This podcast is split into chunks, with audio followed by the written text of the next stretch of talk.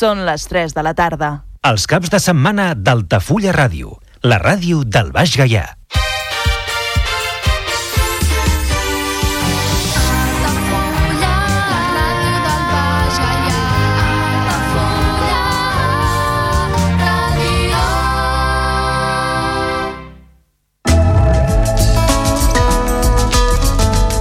L'agenda Altafulla Ràdio.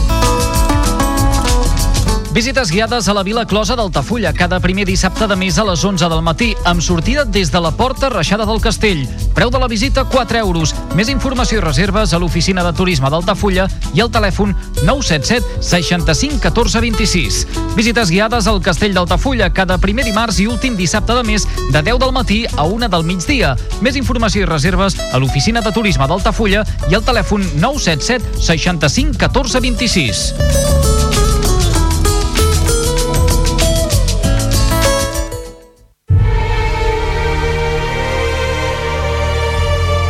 Parlem d'aquell cinema Cinema clàssic a Altafulla Ràdio, amb Andrés de Andrés. on la música de cinema és el fil conductor. Cada cap de setmana a Altafulla Ràdio parlem d'aquell cinema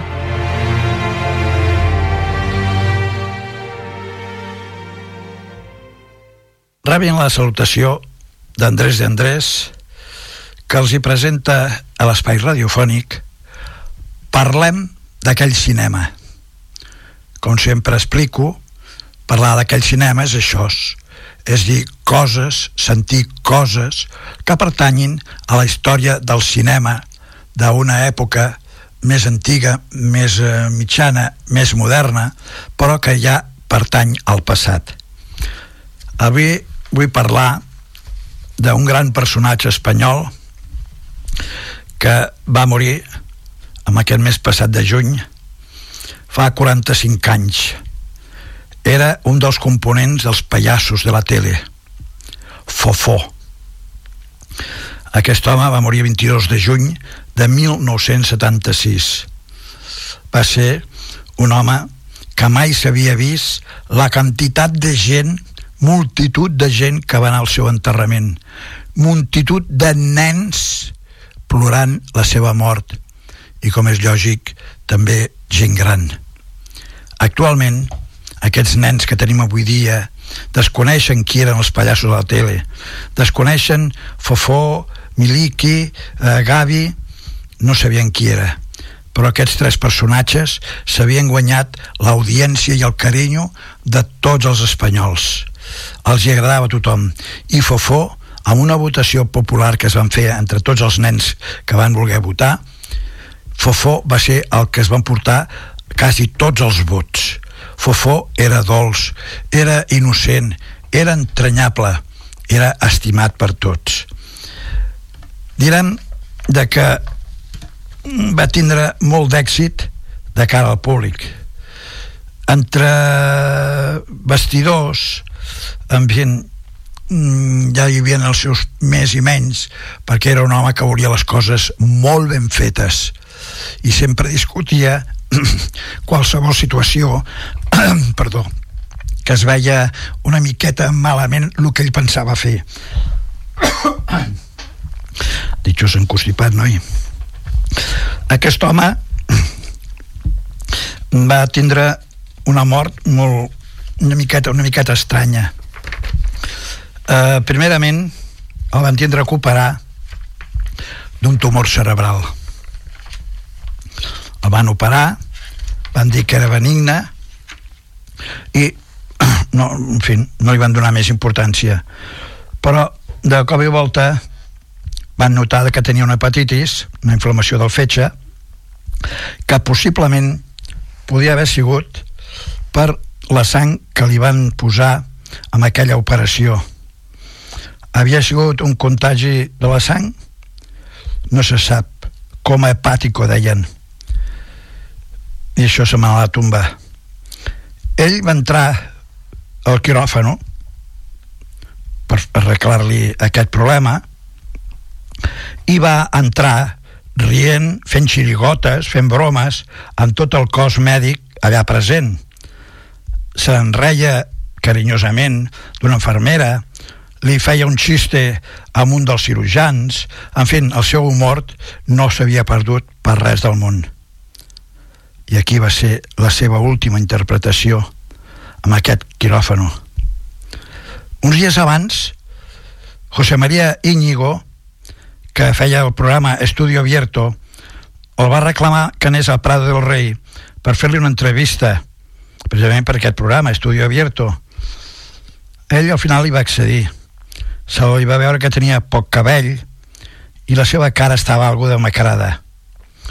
Va intentar treure importància al seu estat mentre feia l'entrevista, però l'acabar la seva compareixença i molt fluixet li va dir amb el presentador, amb José María Íñigo, amb veu tènue, molt fluixeta, he vingut a despedir-me perquè això s'està acabant.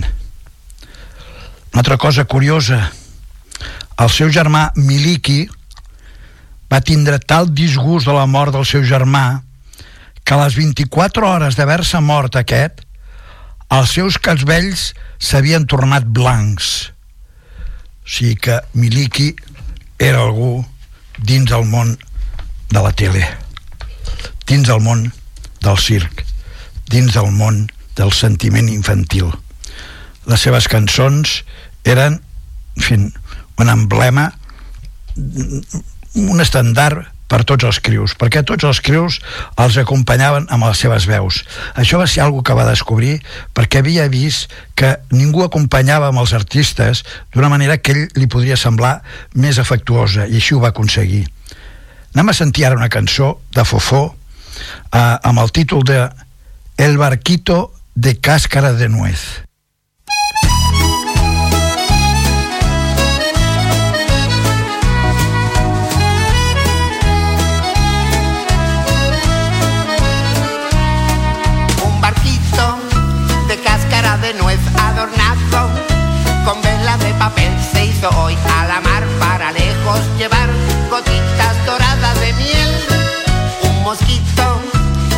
Sin va en él muy seguro de ser buen timonel y subiendo y bajando las olas. El barquito ya se fue. Navegar sin temor en el mar es lo mejor. No hay razón de ponerse a temblar. Y si llega negra tempestad, reír y remar temor, en el mar es lo mejor. Y si el cielo está muy azul, el barquito va contento del sur.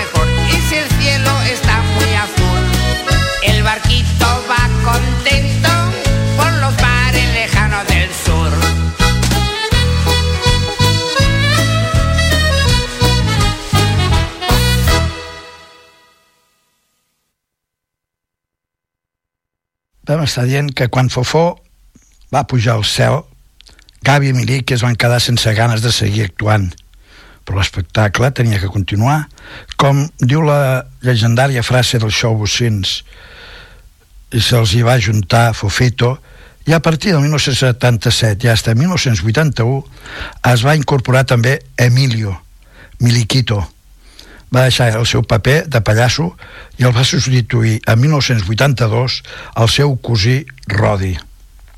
Gavi, que moriria a 1995 als 75 anys, havia dit dos anys abans a la mort de Fofó ja res va ser igual amb el grup que va començar a desmembrar-se. Vam donar l'entrada a Miliquito i això ens va separar de Miliqui i a mi va pesar a l'egoisme dels fills. Nikito es convertiria amb els anys en un pròsper productor de televisió. En quant als germans Fofito i Rodi, que portaven 19 anys sense treballar junts, van decidir muntar un espectacle a Limón i van acabar com el gat i el gos. Fofito va superar una mala època cap a 2006 i quan van demanar treball amb el seu cosí Miliquito no li va prestar cap ajuda de cap classe, el que va fer caure a la beguda.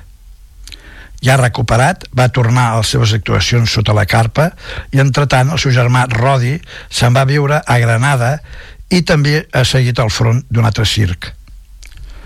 A Fofó li van dedicar un carrer amb Vallecas, se li va aixecar una estàtua al parc d'atraccions a Madrid, unes altres a Múrcia, Elche i al Vox, Almeria. 40 anys després de la seva mort, els que llavors eren nens, avui segur que a l'abocar-lo el trobaran a faltar.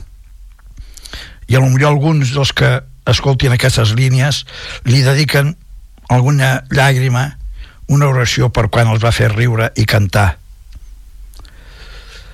Alfonso Aragón, Fofó, el més estimat dels pallassos de la tele, que va morir el 22 de juny de 1976, es compleixen ja uns quants anys de que des d'aquell dia en Espanya va quedar commocionada.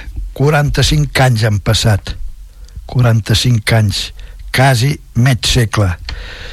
I afortunadament, i sobretot amb la gent gran, a dins del seu cor queda aquelles actuacions. Pocs dies després de la seva mort, Televisió Espanyola va rendir un homenatge a la seva memòria amb el Parc de Madrid, on es va instal·lar el monument. Uns 50.000 nens van anar a dir adiós al seu pallasso favorit. Avui repassem la seva vida i us oferim aquests dos nous vídeos recuperats expressament de l'arxiu. N'hi ha un que es diu Passa la vida, un homenatge a Fofó. No sé exactament on es poden recuperar aquests vídeos. Podria ser a Televisió Espanyola, però valdria la pena poder-los localitzar perquè són, són preciosos. Fofó, que va néixer amb el Puente de Vallecas a Madrid el 8 de febrer de 1923, ja pertanyia a una família de tradicions eh, de circ. Era fill d'Emilio Aragón Furox, conegut com Èmic, i nebot de Pompov i Teddy. La seva mare era una corbata a dalt d'un cavall, qui es deia, no el cavall, perdó, sinó ella, Rocío Bermúdez Contreras, una família dedicada a l'espectacle i al circ. Quan era molt jovenet, Emilio es va juntar amb els seus germans Gabriel i Emilio per formar el trio Gavi, Fofó i Miliki. Van començar a treballar als anys 30 i es van mantindre en diverses temporades amb el Circ Prissa de Madrid. A vegades actuaven amb la seva germana, Rocío Ramón Bermúdez, que era bailaora de flamenco, i en 1946 Fofós i els seus germans abandonen Espanya, s'instal·len a Mèxic i després a Cuba. Allà debutarien per primera vegada amb la televisió. Amb els anys següents, el seu espectacle televisiu va tindre ja un gran èxit, per lo que aquest èxit els va portar amb el seu show a altres països d'Amèrica, com Puerto Rico, Estats Units, Venezuela, Argentina, etc etc etc. En fi, ja amb el seu èxit americà, els tres pallassos tornen a Espanya a 1972. Havien passat ja 30 anys, contractats per Televisió Espanyola per posar-se al front d'un nou programa infantil, El Gran Circo de Televisió Espanyola, que va substituir el també aclamat Los Chiripitiflàuticos.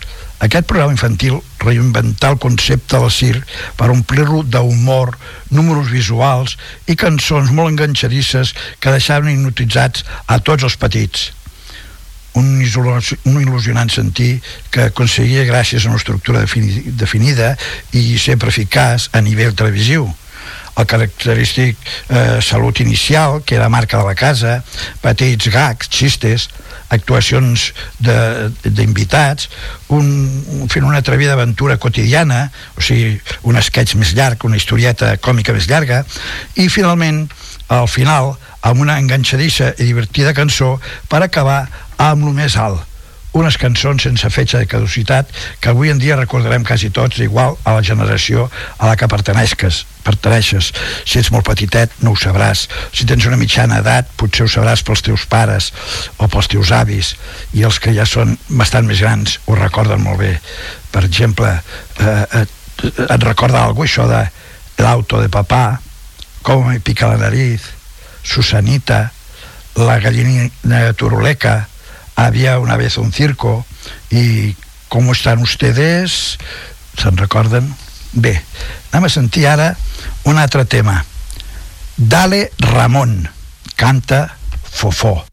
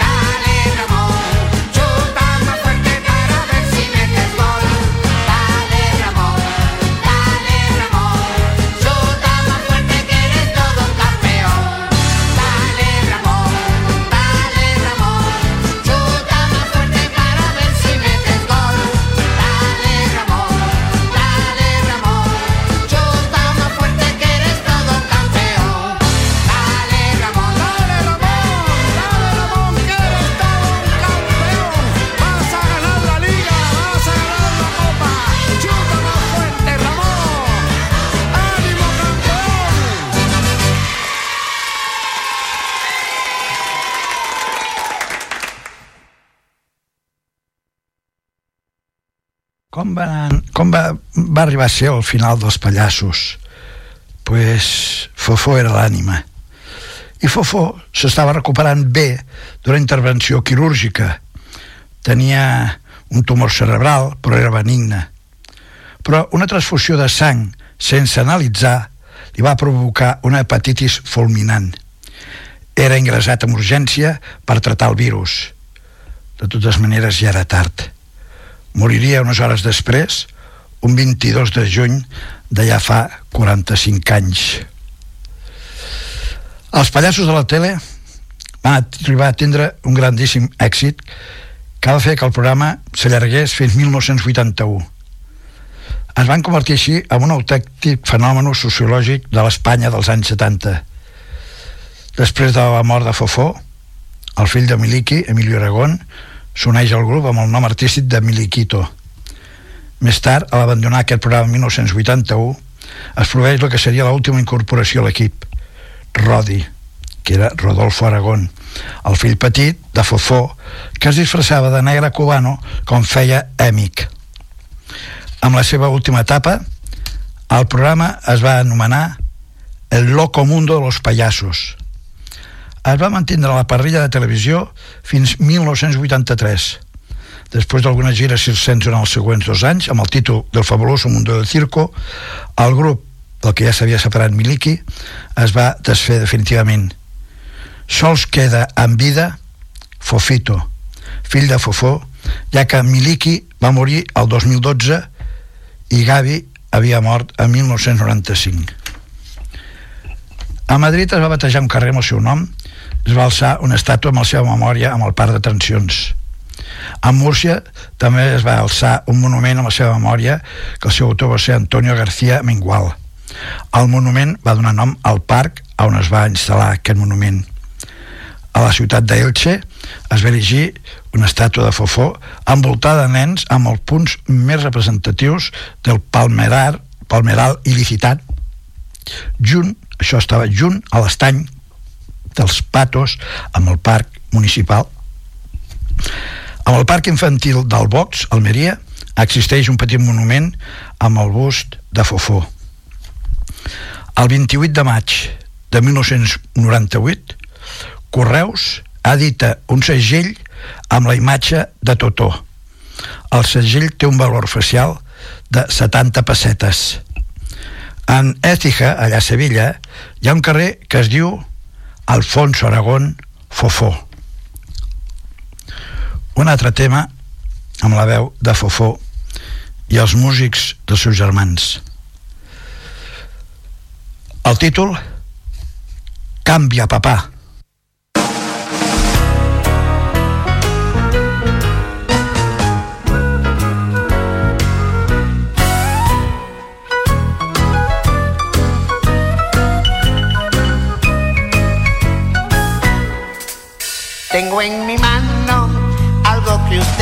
ya verán. Es un secreto que se lo guardo a mi papá y lo utilizo para poder televisar. Cambia y cambia y vuélveme a cambiar. Si tú lo quieres hacer igual, tendrás que decir cambia papá.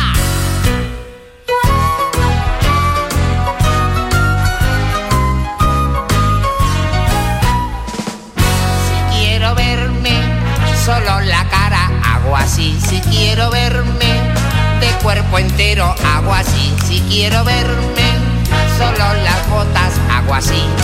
Cambia y cambia y vuélveme a cambiar. Si tú lo quieres hacer igual,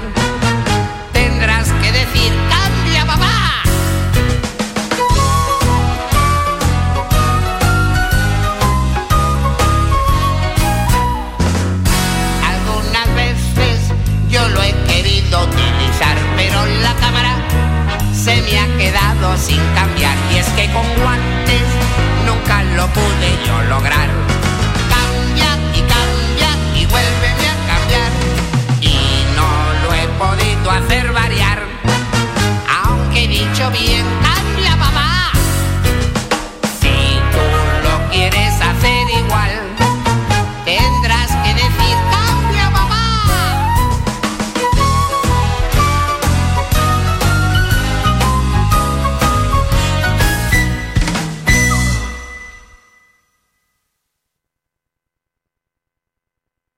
amb el diari El País del 24 de juny de 1976 podem llegir un escrit d'Alfonso García Pérez i el títol és Fofó fue enterrado ayer en Vallecas i escriu un clamorós aplaus aplaudiment va despedir per sempre els restos mortals de Fofó amb el madrileny cementiri de Vallecas unes 25.000 persones havien anat ahir al cementiri on va arribar el, el, el cotxe fúnebre procedent de la Concepción. També a la clínica diversos millars de persones havien despedit a Fofó. una legió de personalitats al món de l'espectacle, la cançó i els esports i a l'esperit de milions de nens d'aquest país perquè els que la mort de Fofó havia sigut una notícia del dia. Fofó ha mort a causa d'una hepatitis gravíssimes, coma hepàtico o necrosis hepàtica, segons els termes empleats amb els diversos mitjans informatius. Això sembla ser la conseqüència d'una malaltia encara no molt coneguda, l'hepatitis vírica B, transmesa a través de transfusions de sang. Un tumor cerebral benigne havia motivat feia 4 mesos l'internament clínic i posterior operació d'Alfonso Aragón Fofó, pare de quatre fills, un d'ells conegut com Fofito, company del seu pare amb el seu treball professional. Superada l'operació que li va practicar el doctor Boixados, estipant-li el tumor, es van fer necessàries transfusions de sang, se li va desencadenar una hepatitis vírica que va fer necessari el seu internament amb la Fundació Jiménez Díaz el passat 10 de juny. Poques hores després passava la unitat de vigilància incentiva per morir a les 10 de la nit del dimarts. La causa exacta de la mort no ha sigut informada. Posats a parlar amb el doctor Calleja, amb la clínica de la Concepción, ha explicat que estava molt ocupat amb les seves consultes i que no era un tema per parlar així. Això respecte de la causa de la mort d'hepatitis vírica B es va referir a dudosos anàlisis per concluir interrompint la comunicació. Posteriorment, a intentar connectar amb el doctor Joaquín Serrano, jefe del servei de transfusions, se'ns explica que no estava el seu adjunt, doctora Calabuig, estava en la seva casa d'alerta i allà es podria parlar amb ella. Però en casa de doctora, després de dir que sí estava, es va precisar que acabava de sortir. Amb el servei de transfusions de la Concepción van explicar que hi havia indicacions de tractar sols aquest tema per part de la direcció. Al intentar connectar amb el director, doctor Perianes, se'ns va explicar que no estava. Eren les 7.30 de la tarda Tampoc havia ningú amb secretaria ni amb intendència. Només estan aquí les senyores de la limpiesa. Per un momentet i ara anem per aquella cançó que vostès també la cantaran. Hola, don Pepito. Pepito.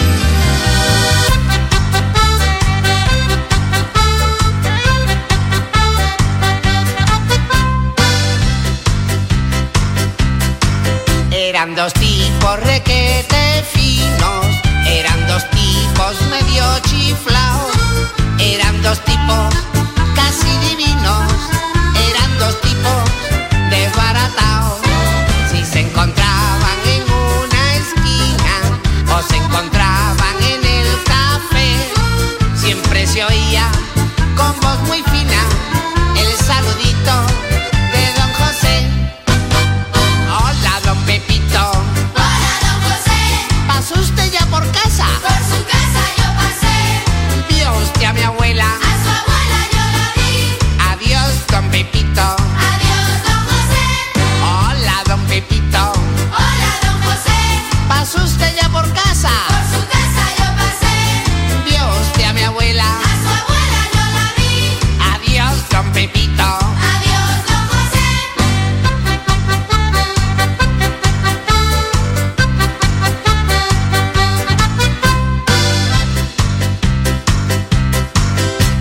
dos tipos requete finos, eran dos tipos medio chiflados, eran dos tipos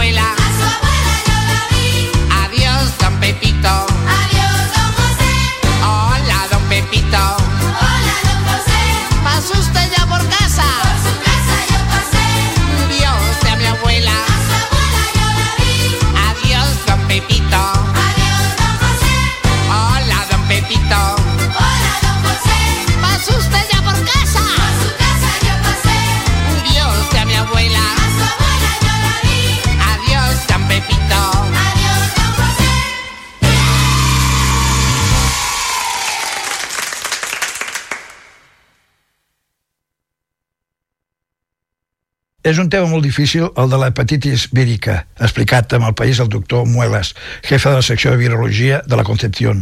Es produeix per un virus actiu que es transmeteix del donant al receptor. Amb el portador del virus sempre fa mal, pot produir algun efecte crònic, cirrosis hepàtica, que no sempre. De totes maneres, amb el receptor pot ser mortal. Estem davant d'una reacció individual diferent davant del mateix agent. L'hepatitis és una inflamació del fetge. Els seus símptomes són febre alçada, astènia, anorèxia, àlgies, reumatoidees, vòmits i decaïment general. El seu tractament es basa en repòs llarg al llit, un adequat règim alimentici i protecció hepàtica. Pararem un momentet i sentim la penúltima cançó d'avui. Fofó canta Mi família. Mi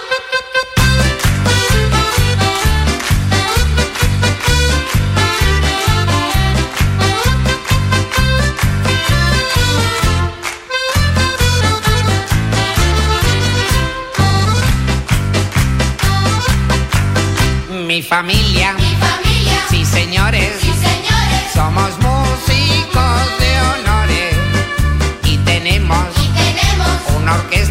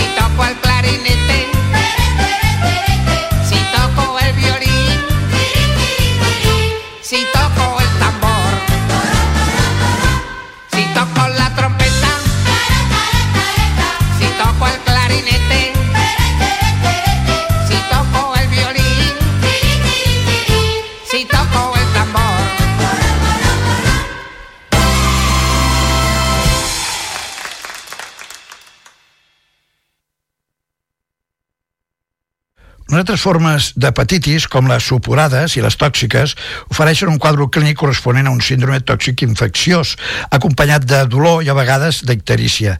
En aquest cas s'ha d'anar al tractament quirúrgic. Precisament perquè l'hepatitis vírica B és transmitida a través de les transfusions de sang, es planteja el tema del control d'aquestes transfusions. Es controla a través dels nostres coneixements científics actuals.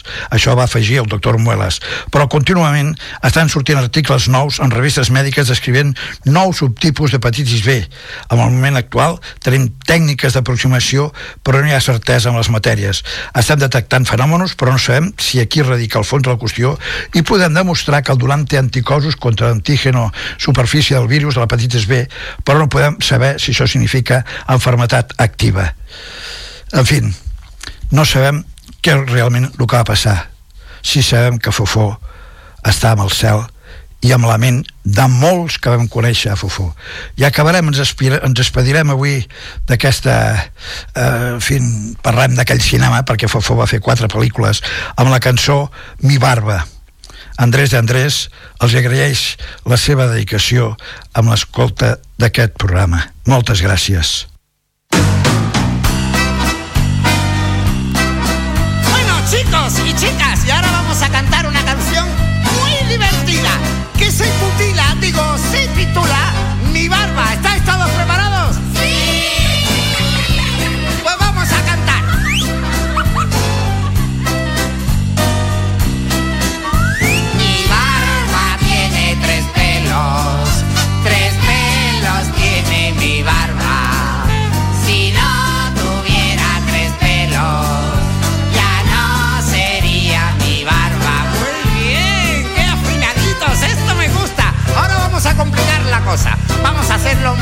fácil, más difícil.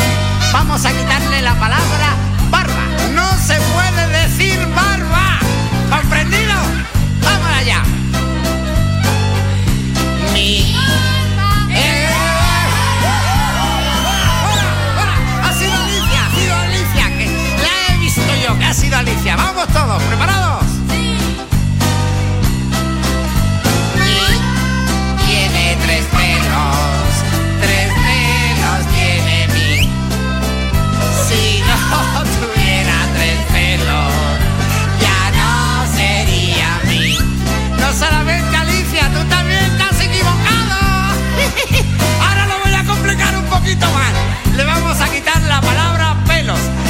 Se puede decir pelos. Prohibido decir pelos. Vamos ya. Mi tiene tres. Oh, ha sido Pablo. Pablo, quítate el dedo de la nariz. Así no se puede cantar, chico. Vamos ya.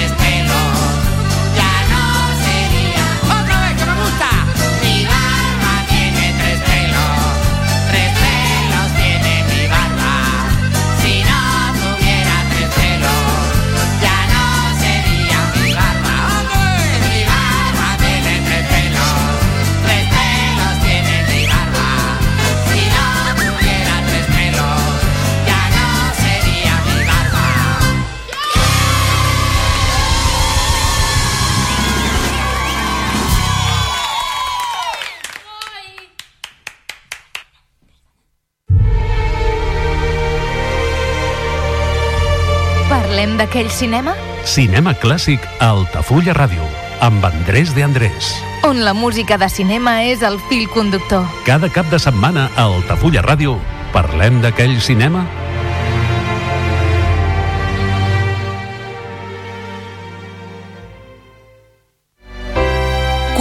Comunions 2024. Dates ja disponibles amb sales privades, jardí, pàrquing privat i la millor gastronomia. Més informació i reserves al 977 65 11 55 i a comercial arroba altafullamarotel.com o al web altafullamarotel.com. Les teves celebracions familiars a l'Altafulla Mar Hotel. Ja coneixes les propostes que t'ofereix el Club Marítim Altafulla? Vine i descobreix totes les nostres activitats. Sortides en caiac o pa del surf, cursos de vela per a totes les edats. No t'ho perdis. Club Marítim Altafulla. Obert tot l'any i per a tothom. Carrer Major, el programa de les emissores del Camp de Tarragona. Cada dia de 4 a 6 de la tarda, el que passa al Camp de Tarragona t'ho expliquem amb la major redacció d'un programa de territori quilòmetre zero. Periodisme de proximitat, continguts de qualitat, amb Anna Plaza i Toni Mateos. Carrer Major. Al meu país la pluja no sap ploure. Canvi climàtic asseca els rius, posa en risc l'abastament d'aigua i la producció d'aliments. Treballem per fer front a la sequera i garantir l'aigua però cal l'esforç de tothom. Cada gota compte. La pluja no la controles, l'aixeta sí. Generalitat de Catalunya. Sempre endavant. En cas d'accident químic, practica l'efecte bombolla. Quan hi hagi un accident que pugui afectar la població, sonaran les sirenes i rebràs un missatge al mòbil. Per la teva seguretat, caldrà que et confinis immediatament. A casa, a l'edifici més proper o a l'escola. Tanca les portes i les finestres. Abaixa les persianes i apaga els sistemes de climatització. L'efecte bombolla et protegirà. Generalitat de Catalunya. Sempre endavant. El meu pare va marxar, el van cridar files, jo tenia tres mesos i ja no el van tornar a veure mai més. La ràdio va fer un paper molt important a l'hora de, de saber que existia un programa de recuperació dels cossos trobats en fosses comunes de la, de la Guerra Civil. A mitjan juliol que m'havien trucat de justícia per informar-me que havien pogut casar les dues mostres d'ADN, la de la meva mare amb la del meu avi. Vaig posar a cridar i abraçar-me amb ells amb uns plors perquè vaig pensar al final, al final ho he aconseguit. La vaig agafar la foto d'ella i li vaig dir, mama, ja tenim el papa aquí, i ja pots estar junt amb ell. Si tens algun familiar desaparegut durant la Guerra Civil i el franquisme, inscriu-lo al cens de persones desaparegudes i apunta't al programa d'identificació genètica. Tu també pots tancar el dol. Fem-ho bé, fem-ho tot, fem-ho possible. Generalitat de Catalunya. Has vist la notícia sobre la fuita química? Sabríeu com actuar en cas d'accident químic? Les indústries que treballen amb substàncies perilloses compten amb sistemes de seguretat per evitar accidents, però en determinats casos greus, la població més propera es podria veure afectada. Protecció Civil informa que l'autoevacuació no és una mesura segura. Cal confinar-se al lloc on ens trobem o a l'edifici més proper i tancar portes i finestres. Escoles i residències de gent gran saben com actuar i són llocs segurs. No hi aneu a buscar els familiars. 112, telèfon d'emergències. Vols anunciar-te a la ràdio? A la plaça del Pou? Al pavelló poliesportiu? Cap problema. Truca al 635 83 30 94 i parla amb el nostre comercial. Així de fàcil. I quins preus?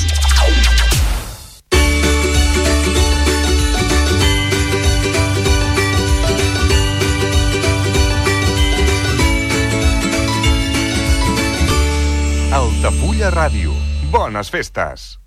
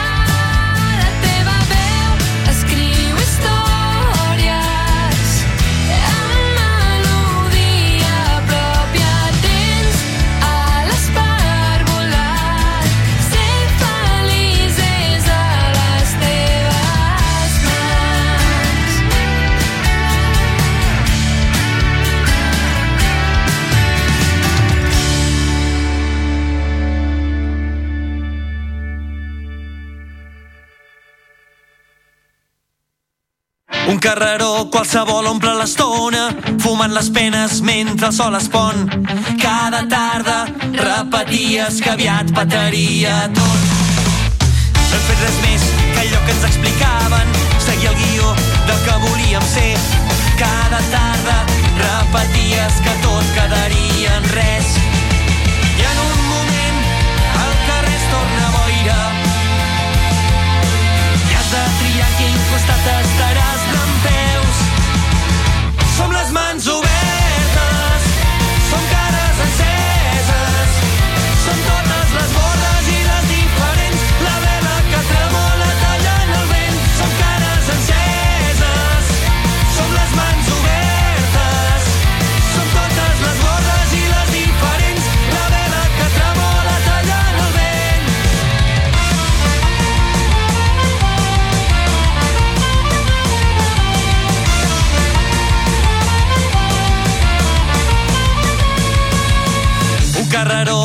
qualsevol enmig del barri,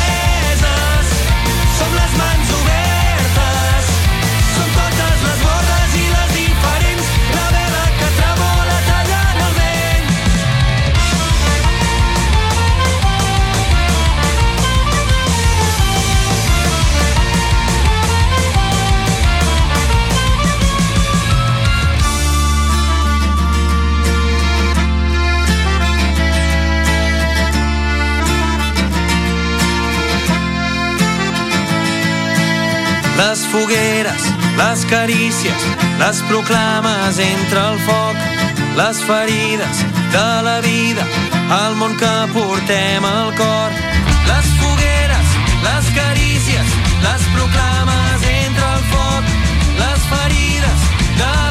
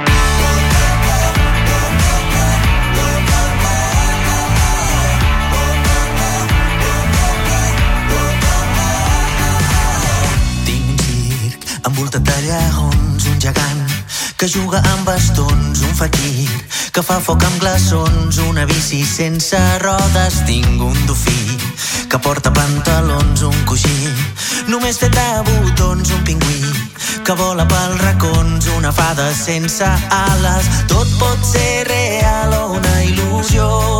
Si vols t'ho explico, sóc el rei de la imaginació.